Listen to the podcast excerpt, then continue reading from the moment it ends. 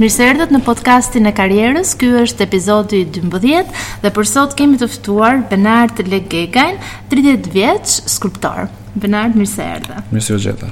Ne jemi ulur sot në studion e Benardit, të rrethuar nga punimet e tij, skulpturat nga të gjitha llojet e masave dhe stileve. Benard, ti ke rreth tre vite që punon në këtë studio, apo jo?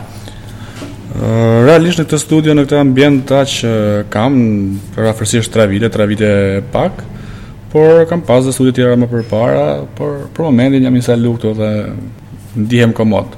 Për ata që nuk të njohin, Benardi është është punon pra si skulptor dhe disa nga punët e tij më të rëndësishme kanë të bëjnë me skulpturat një një skulpturë e Nën Terezës praktikisht që është vendosur në Montreal në Kanada apo jo. Dhe disa skulptura që ti ke ndërtuar për Madios Palace, që është ky ndërtimi i ri që po bëhet tek kthesa e Rinasit, Kështu që mund të themi që je goxha i konsoliduar si skulptor në në Tiranë apo jo në Shqipëri. Po realisht jam përpjek që të arrij një lloj standardi që të kem një vijueshmëri standarde. Jam përpjek që në kohën kur isha si student që të punoja dhe të arrija një të kisha një lloj si me thënë një lloj standardi në këtë lloj profesioni, sepse është shumë e vështirë që ta gjesh rrugën tënde aq më tepër në art. Mm -hmm. Paktën kështu e mendoj unë në Shqipëri. Gjithsesi përpjekjet deri tani mendoj që nuk kanë vajt në rrugën e gabuar, përkundrazi. Mm -hmm. Unë jam ndër skulptorët e ri, po themi që jam aktiv në tregun e artit në Shqipëri, në tregun e skulpturës, se sigurisht çdo gjë ka, ka lidhje me tregun, nuk është thjesht vetëm pasioni që na mban gjallë, se në fund fundit të gjithë kemi një qëllim, por nëse nuk mbijetojmë dot s'arrijmë dot as qëllimet, kështu që drejt asaj rruge, hasim dhe bëjmë dhe po themi dhe gjëra komerciale në një farë kuptimi. Ti përzgjodhe të vazhdoje studimet e tua për art. Shpesh sot kur flitet me prindërit e të rinjve për të zgjedhur një drejtim që ka të bëjë me artin, qoftë kjo pikturë, skulpturë, regjisurë apo apo diçka tjetër, janë pak skeptikë për sa i përket se si do ia dali ky i ri në të ardhmen në tregun e punës. Ti vetë do të fillosh na tregosh për rrugëtimin tënd dhe Duke filluar që nga momenti që ti zgjodhe të bëje të vazhdoje për skulpturë.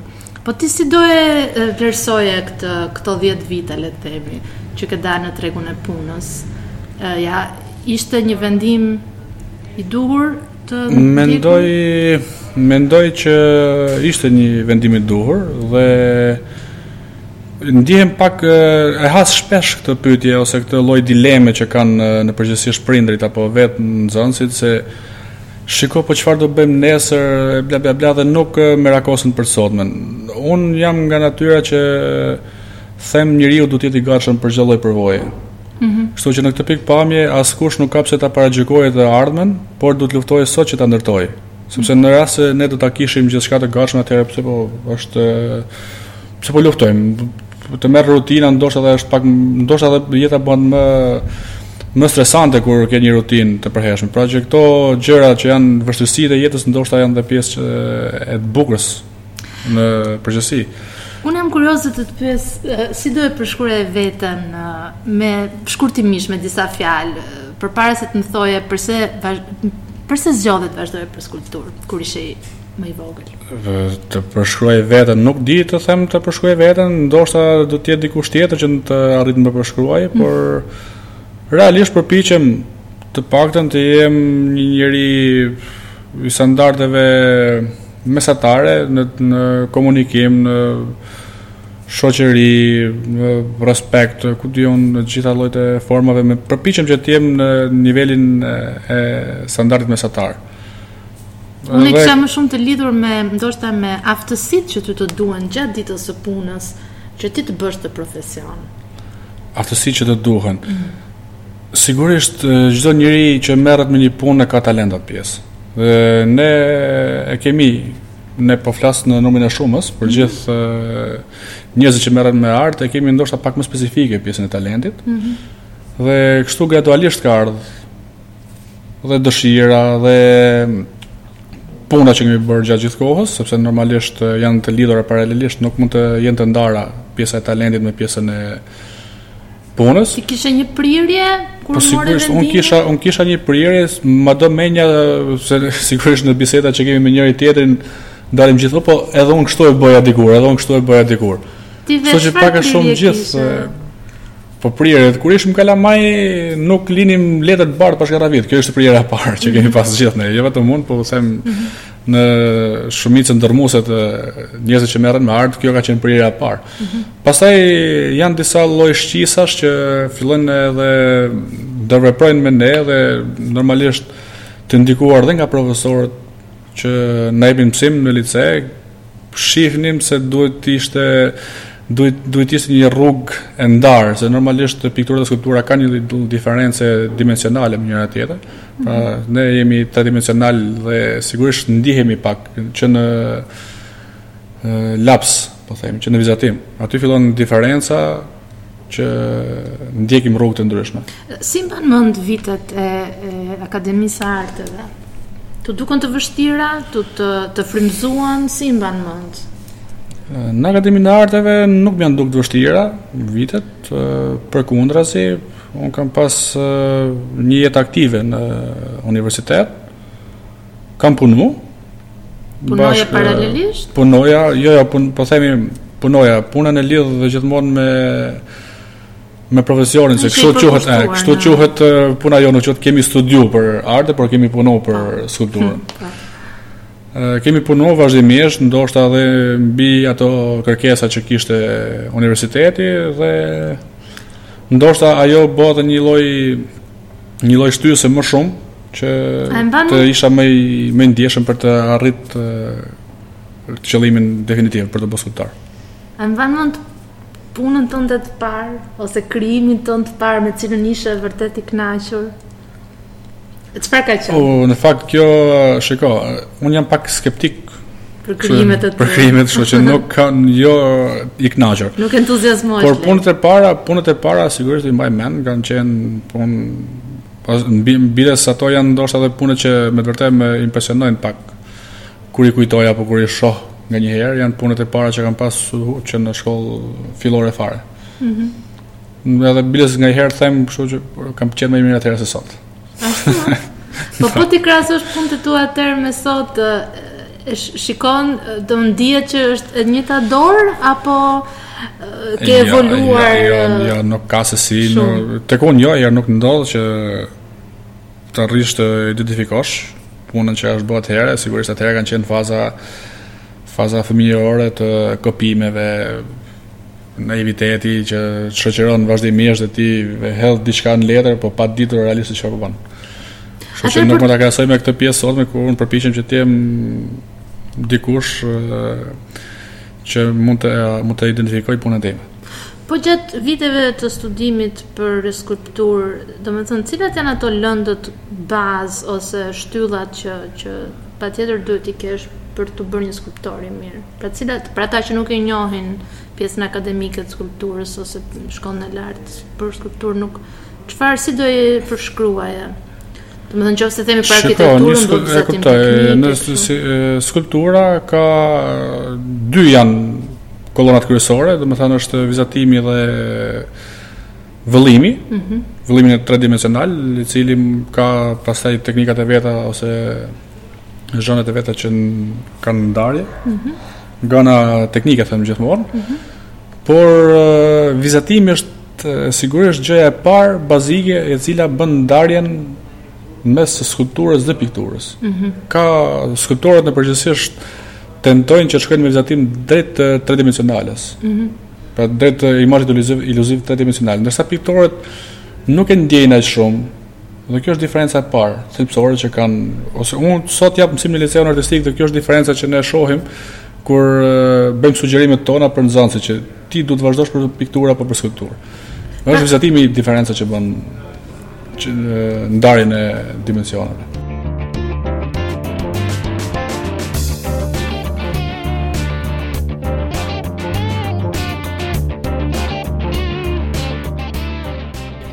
Ti sot ke studion tënde, jep mësim, po cila ishte puna jote e parë pasi dole, pasi more diplomën? Puna ime e parë pasi kam marrë diplomën ka qenë një porosi që kam bërë për kishën katolike të Bajzës, mm -hmm. në Bajzë të Kastratit. Mm -hmm. Kanë qenë statujat e shenjtorëve Pali dhe Pjetri, Mm -hmm. Ashtu siç shkruaj, siç ishte dhe emri i, i kishës atje, kisha Shën Pali dhe Shën Pjetri. Dhe pastaj kanë vazhdu shumë rrjedhshëm, nuk di të them, po ajo ka qenë e para, sapo pas diplomimit puna e parë. Po si e gjete këtë klientin që e kërkonte këtë shërbim? Po siç funksionojnë gjithmonë dhe arti prapë për shembull arti ndoshta më shumë se gjithë tjerët me miqësi, me referenca, shiko mm -hmm. filanja, po filanja Ti mbarove me rezultate të mira në shkollë, domethënë, apo ishe... Unë kam mbaru me rezultate të mira në punë. E kuptoj. Kurse për të tjera, do të flasim prapë. si është një ditë jotja nga mëngjesi deri sa ti e mbyll punë? Je këtu në studio? Faktikisht kam, faktikisht kam një orar të përcaktuar deri në orën 4, kurse pastaj ora 4 është në varësi të punës. pas orës 4. Po të zgjohem, zgjohem në mëngjes, lëvizim të tre bashkë, bashkë me Ledinën që është nusja dhe Darion, djalin. Lejm lej Ledinën te puna, lej Darion te çerdhja, iki vetë në lice, mbaroj mësimin në lice, në varësi të orareve gjithmonë të atje dhe vi në studio. Mm -hmm. Pastaj në orën 4 bëjmë dhe njëherë tërheqjen pas për në shpi dhe pastaj pasditja është Ekuivalente në varësi të punës. Në rast se kemi punë, zbres në studio, zbres kur varet, nuk ka nuk kam përcaktuar orar pasdite. Me çfarë po merresh tani aktualisht? Çfarë ke në dorë? Unë shikoj jemi të rrethuar nga shumë punë të tuat. Shë, këtu ka edhe punë disavjeçare. Mm -hmm. Ka edhe punë të që kanë qenë që në kohën e akademisë dhe porosi që kam bërë herë pas here. Mm -hmm. Aktualisht kam një projekt për një monument, por kam dhe disa gjëra që duhet të po punoj për një ekspozitë avash avash dhe dua që mos jo shumë larg, mos jetë shumë larg dita që do ta hap. Do ishte ekspozita jote e parë? Sigurisht, ekspozita e parë personale, kam marrë pjesë në ekspozita, por personale akoma nuk e kam bërë seften ekspozitë. Domethënë ke mbledhur aq punë sa të mund të bësh? Po punoj, po punoj, po punoj për ekspozitë, sepse dhe koncepti im për skulpturën është paksa paksa i ndryshëm ndoshta nga dhe nga puna që ju shihni këtu. Pra ka disa punë që un mund t'i fus në ekspozitë, por ka disa punë të tjera që janë porosi, të cilat nuk janë për nuk janë identifikuese dhe nuk i mbaj si punë identifikuese, pra janë punë të natyrës. Veçanërisht janë porosi. Po. po mirë, po Konkurrenca në këtë profesion si është për momentin? Ti ke konkurrentë? Pa diskutim që ka, ka konkurrentë në akademi, në akademi të mos marrim vetëm shembull akademinë, sepse ka çuna dhe goca që kanë mbaruar dhe shkolla të tjera përjashta akademisë. Mm -hmm. Ndoshta dhe jo ndoshta, po edhe jashtë Shqipërisë apo që kanë studiuar në mënyrë fakultative dhe janë të aftë të bëjnë art. Dhe për tregun shqiptar konkurrenca është e mjaftueshme po themi, nuk është as një konkurrencë e egër, por dhe pa konkurrencë fare nuk është. Mm -hmm. Po si kalove nga pjesa ku pasi mbarove shkollën që fillove të punoje me klientë të ndryshëm deri në momentin që arrite të krijoje studion tënde? Çfarë ndodhi që ti vendose të krijoje studion tënde? Për skulptorët është domosdoshmëri studio. Hmm. Sepse siç e shikon këtu materialet që kemi që edhe vetë materialet e punës janë goxha voluminoze dhe nuk mund të bëhen dhe sigurisht me sakrificë arrihet. Qëllimi përfundimtar i skulptorit mendoj që është i njëjtë, do të ketë një studio, do të ketë atë intimitetin e tij të punës, mm -hmm. që të ngulet aty dhe të futet në atë botën e vet, përfshirë në botën e tij që të punojë, të realizojë atë që ka dëshirë. Se përfundimi, përfundimi ose qëllimi kryesor i joni është që të arrijmë të realizojmë një punë e cila të jetë identifikuese. Pra të jetë një punë e cila në momentin e parë që ju e shikoni apo dikush e shikon thotë po, kjo është puna e filanit. Dhe në rast se ne do të arrijmë atë Maje, maja e ajsbergut, po themi, është kulmi i karrierës. Po. Ti punon... Bula. Gjithë ditën me krijimtari. Ti vetë, ku, ku e merë frumëzimin të ndë? Në jetën e përditshme. Unë si natyrë jam natyrë sociale dhe kam me pasion ato çështjet sociale. Dhe sigurisht në përditshmërinë e njerëzve, në historinë e njerëzimit që sigurisht i përket anës sociale ajo. Kjo është pjesa që mu me me, me intrigon më shumë apo më jep më shumë fantazi. Për ty, uh, cili është skulptori i uh, preferuar? A nuk mund t'i vë gishtin askujt, sepse sigurisht gjithë secili ka ato specifikat e veta. Mu më pëlqen skulptura, e dashuroj skulpturën në të gjitha komponentët e saj. Po them, që nga krijimi i botës, sepse skulptura njihet që nga krijimi i botës dhe deri ditën e sotme. Në gjithë këtë lloj, në këtë kohështrirje ka skulptorë të jashtëzakonshëm, që unë nuk mundem kurrsesi të bëj ndarje. Hmm. është e pamundur të bëj, bëj ndarje. E prekëm pak dhe në fillim, po tamam nuk e mora përgjigjen. Cilat janë, po le të themi, tre aftësi që të janë të domosdoshme ty gjatë ditës së punës në këtë profesion si skulptor? Aftësi. Aftësia menaxhuese, mm -hmm. që të arrish të menaxhosh kohën në mënyrën më të mirë të mundshme sepse sigurisht shpërndarja e kohës ndoshta edhe është dhe humbje e përqendrimit pastaj edhe nuk arrin dot që të jesh në krijimtari përqendrimi po janë gjëra të lidhura për të lidhura ngushtësisht njëra me tjetrën, por do të kesh do të jesh shumë i qetë, do të jesh shumë i përqendruar. Nuk mundesh që në art të arrish në një fazë krijimtarie kur ke ndikime të jashtme, është e mm. pamundur. Mm. Duhet të jesh i përqendruar dhe kjo nënkupton besoj është e qartë për gjithë nënkupton larg zhurmave, larg streseve, larg halleve të përditshme. Është një punë pak në izolim sepse je vetëm. Duhet të jesh vetëm, kërkon një intimitet absolut kjo lloj pune. Dhe pjesa tjetër duhet të jesh në kontakt të vazhdueshëm Të jesh në kontakt të vazhdueshëm me qoftë me të shkuarën, qoftë dhe me të dhe me të tashmen, po dhe me të ardhmen.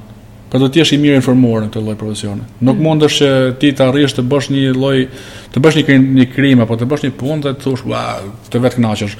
Kur nuk e di se ku janë hapat kryesorë që ka kaluar tjetër përpara teje bashkëkohësi jot dhe ku mund të shkojë bota nesër nuk mund të arrish në krijimtari. Mm. Pa të kesh konceptin. Mm.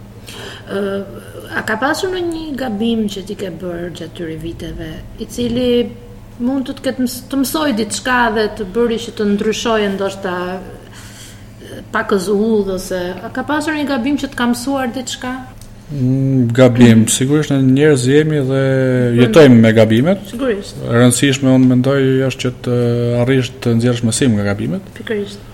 Unë jam përpjekur që të Nxjerr mësime nga gabimet, përpiqem që mos ta ripërsëris, sepse pastaj bëhet faj. Mm. Unë faj nuk mendoj të kem bërë, kurse gabime patjetër. Të vjen në mendje ndonjë gabim profesional flas që Sigurisht që... profesional po flas unë. Pra gabime ndodhin, ndodhin sepse materialet që përdorim janë të ndryshme, kanë ndikime të ndryshme për shkak të lagështirave, të temperaturave, Dhe të gjitha llojet e fenomeneve që ndodhin mhm. dhe veprimi i tyre është i është i ndryshëm, kështu që vazhdimisht ndodhin gabime apo pse nuk e bëra kështu s'e bëra ashtu, ndodhin gjëra që ndodhin vazhdimisht, por jo gabime të natyrës së parikuperueshme. Ja. Jo.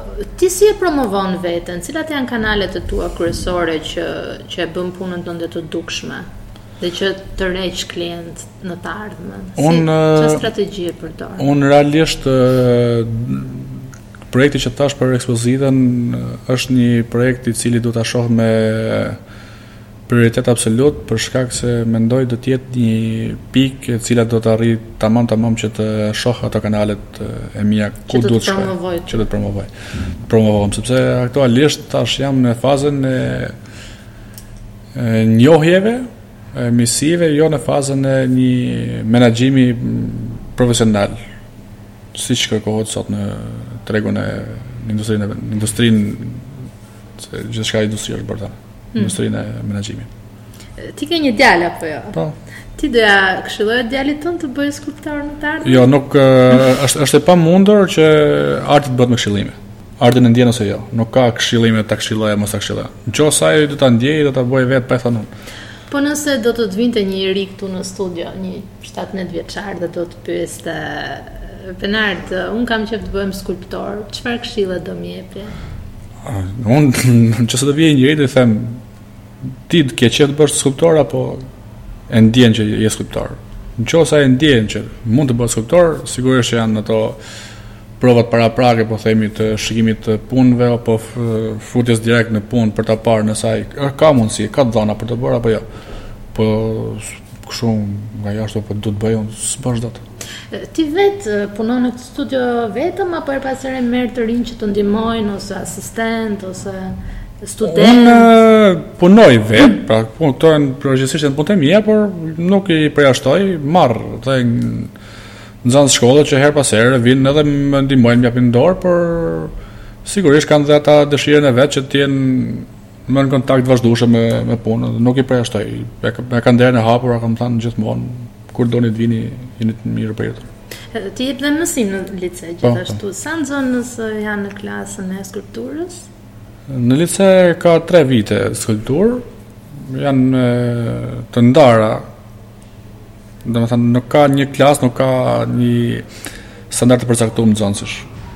Po e zëjmë në këtë vit, viti i 3 që mbaroi, kishte vetëm 3 nxënës për skulpturë, ndërsa viti i 2 që hidhet vit i 3 kishte 11. Mm -hmm. Kjo është diferenca. Por në përgjithësi, të 8 nxënës, 6 nxënës, 10 nxënës, aty shkon mesatarja e kësaj. Si duket kjo gjeneratë e re në krahasim me vitet kur ti studioje në lice? Ka ndonjë ndryshim? Ka faktikisht nuk arrij të shoh ndonjë ndryshim të madh, pavarësisht ndoshta nganjëherë themi jo po ne kur ishim dhe pas është bë pak edhe si tip e, e përgjithshme, e përgjithshme kjo. Ja po kur ishim ne punonim, ne po mësonim, dhe ne kishim pa, po, talente, gjithmonë, ne gjithmonë më të mirë se të tjerët. Unë evidentoj talente, evidentoj çuna dhe goca që kanë goxha talent dhe shoh që kanë të ardhme në këtë në këtë profesion. Dhe pyetja e fundit, po i afrohemi fundit, është si i shikon pesë vitet e ardhshme? Si është vizioni yt për ta? Faktikisht nuk jam shumë i mirë në parashikime.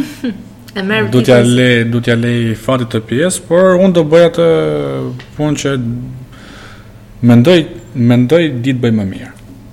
Kështu që gjithë pjesën tjetër le fatit përpara.